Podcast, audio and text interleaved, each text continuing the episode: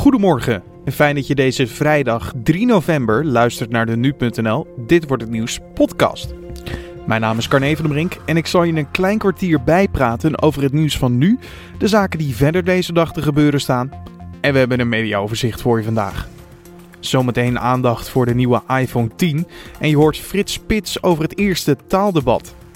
Maar eerst het belangrijkste nieuws van dit moment. Het kabinet Rutte 3 en de oppositiepartijen hebben donderdag in het debat over de regeringsverklaring het eerste compromis bereikt. Premier Mark Rutte bereikte overeenstemming met de oppositiepartijen over de wijkverpleegkundigen. Die worden uitgezonderd van bezuinigingen. Dit is wat Lodewijk Asscher van de PvdA erover te zeggen had. Maar het laat wel zien dat er in het verhaal keuzes zitten die ter discussie gesteld moeten worden en die misschien ook kunnen veranderen. Acht medewerkers en oud-medewerkers van de Netflix-serie House of Cards hebben laten weten dat ze op de seks seksueel zijn geïntimideerd door Kevin Spacey. Spacey liet donderdag via zijn woordvoerder weten hulp te gaan zoeken na meerdere beschuldigingen van seksuele intimidatie. Nederlanders die in 2023 de 65-jarige leeftijd hebben, blijven naar verwachting nog 20 à 48 jaar leven. De levensverwachting van deze groep stijgt daarmee minder hard dan eerder werd verwacht. Dat meldt het Centraal Bureau voor de Statistiek vandaag. Het Twitter-account van de Amerikaanse president Donald Trump was in de nacht van donderdag op vrijdag korte tijd niet bereikbaar. Volgens Twitter was het profiel 11 minuten uit de lucht. Twitter onderzoekt het incident en kondigt stappen aan om te voorkomen dat het nog eens gebeurt. En dan kijken we naar het nieuws van vandaag, oftewel dit wordt het nieuws. De tweede dag van het regeringsakkoord debat zit erop. En zoals de afgelopen dagen gaan we kijken wat er nou allemaal belangrijk was. En wie misschien opviel. Onze politiek redacteuren Edo van der Groot en Avinash Biki gingen in gesprek voor jou. Wat is eigenlijk opgevallen nu het uh, stof een beetje is neergedwarreld? Na twee dagen debatteren kunnen we wel een beetje de balans gaan opmaken. Ja, waar, waar dit debat eigenlijk in het teken stond was uh, de uitgestoken hand van Rutte eigenlijk toen de formatie erop zat, uh, werd al gelijk duidelijk dat uh, het kabinet en de coalitie bestaan uit VVD, CDA, D66 en ChristenUnie uh, heel nadrukkelijk een toenadering zochten tot de oppositie. Je moet je bedenken dat die coalitie 76 zetels in de Tweede Kamer en 38 in de Eerste Kamer heeft. Dat is een minimale meerderheid. Nou, dat betekent ook dat als er één parlementariër van de coalitie uh, eruit stapt, dat dan ja, eigenlijk het kabinet op zijn gat ligt. Dus wat ze doen is ze zoeken heel nadrukkelijk naar de samenwerking met de oppositie. En dat is eigenlijk waar, je op, uh, waar wij op gelet hebben. En dan zie je dat um, ja, die samenwerking komt eigenlijk wel van de grond. En wat opgevallen is, is dat PvdA-leider Asje dat het beste heeft gedaan. Hij, ja. uh, hij heeft... Um, hij begon eigenlijk al toen het regeerakkoord gepresenteerd was, maakte hij al heel snel en ook wel heel slim gebruik van iets wat in het regeerakkoord stond. Dat is namelijk dat een besparing zou plaatsvinden op de wijkverpleging. Kom, komt erop neer, hij, hij het een beetje zo eigenlijk, hè, dat er 100 miljoen bezuinigd zou worden op die wijkverpleging.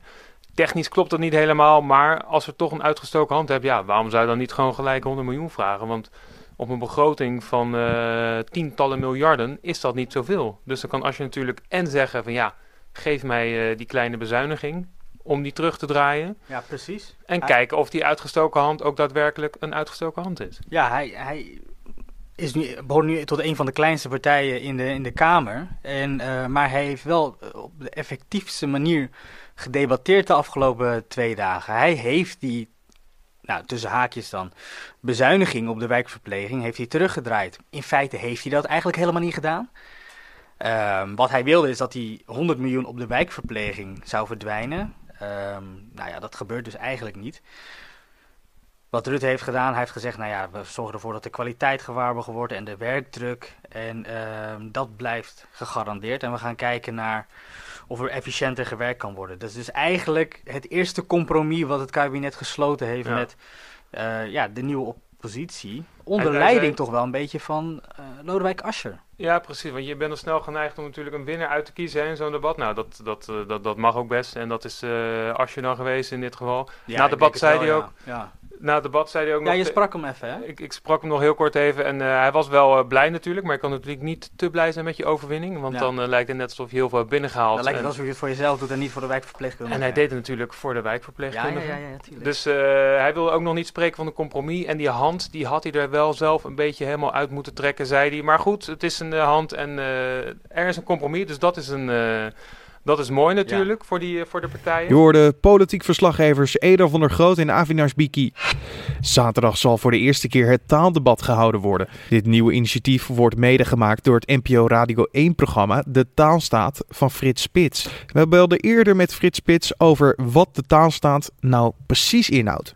Nou, we praten over de hete hangijzers eh, over die, die, die leven zijn, die ehm, in onze taal aanwezig zijn en waarover we discussiëren. Bijvoorbeeld, men maakt zich ongerust over de verengelsing van het hoger onderwijs. Hè. Steeds meer colleges en lessen worden in het Engels gegeven door docenten die eigenlijk Nederlands spreken en dat Engels niet in alle gevallen goed beheersen. Bovendien is het voor studenten vaak lastig om in het Engels eh, te denken terwijl ze gewoon eh, Nederlands spreken. Dus eh, eh, daar zijn heel veel eh bezwaren over aan te voeren. Terwijl er ook anderen zijn die zeggen van ja, dat, dat, dat heeft heel veel voordelen. Het internationaal, we trekken studenten uit het buitenland daarmee aan. Eh, de, de, de wereldtaal is Engels. Kortom, eh, daar kan je wel over di- discussiëren van wat moet nou, wat is noodzakelijk, wat is het beste voor het hoger onderwijs, wat is het beste voor de wetenschap. Dus dat is wel waar, waar de degens over gekruist kunnen worden. Dat is bijvoorbeeld één onderwerp. Ja, en, en, en waarom wordt dit taaldebat op dit moment dan heel erg gevoerd? Is dit iets wat Nou, heel erg nou veranderd ja. de loop der jaren? Nou, er is natuurlijk eh, de, de belangstelling voor taal. eh, dat blijkt ook wel. eh, ik presenteer wekelijks het programma De Taalstaat. Daar gaat het heel erg goed mee. De belangstelling voor taal is groot. Die is er altijd. Kijk, de taal is, er, is net zo vanzelfsprekend als het weer. Hij is er altijd. Alleen we zijn ons dat niet altijd bewust. En we hebben bij taal, anders dan op het weer, toch nog de illusie dat we er enige invloed op kunnen uitoefenen. En er zijn mensen die zich zorgen maken over de verengelsing van de taal. Te veel Engelse woorden in onze taal. Er zijn mensen die zeggen eh, die zich druk maken over de spelling. Dus is voortdurend wel altijd debatten over de taal. En het lijkt wel of het de laatste tijd, ook met de discussie over genderneutraliteit van de taal, of, het, ja, of, of, of er meer over gesproken wordt. En misschien heeft dat ook wel te maken met de sociale media, waarin ook de taal op een andere manier natuurlijk weer wordt gebezigd als, als eh, gewoon in geschreven woorden of gesproken woorden. Dus er is, er is, eh, er is heel veel taal om ons heen en het is af en toe eh, goed om daarbij stil te staan en om te debatteren, erover na te denken van wat moet wel en wat moet niet. Een van de andere onderwerpen is bijvoorbeeld framing. Framing is, dat kan gevaarlijk zijn. Framing is bijvoorbeeld zoals Wilders zei in, ehm, in de, tijdens het Kamerdebat, hij noemt Rutte de zonnekoning. Ja, daarmee geeft hij eh, Rutte een, bepaalde, een bepaald frame, zoals ze dat tegenwoordig noemen. Hij probeert hem zo neer te zetten als, eh, als de man van l'état c'est moi, Nederland is van mij. En de vraag is of zo'n frame juist is, wat zijn politieke bedoeling daarmee is en hoe anderen daarover denken. En hoe zij daar, eh, in, eh, we hebben het nu over een politiek krachtenveld, weer iets tegenover kunnen plaatsen. Dus taal is buitengewoon interessant. Taal is eh, ook ons enige middel om te communiceren met anderen. Dus ja, over taal is altijd te debatteren, maar het lijkt wel of dit jaar er rijp voor is. Je kan zaterdag naar NPO Radio 1 luisteren van 11 tot 1 en daar hoor je de speciale uitzending van de taalstaat. Het hoge beroep van de ontnemingszaak van Willem Holleder gaat verder met een inhoudelijke zitting. Holleder moet van de rechtbank 18 miljoen euro aan crimineel geld terugbetalen, maar ging in 2016 tegen deze beslissing in beroep. Holleder zou dat geld hebben verdiend met het afpersen van de in 2004 geliquideerde vastgoedmagnaat Willem Enstra. De negen jaar cel die hij voor het afpersen kreeg, heeft hij inmiddels uitgezeten. Bondscoach Dick Advocaat maakt voor de laatste keer zijn selectie bekend.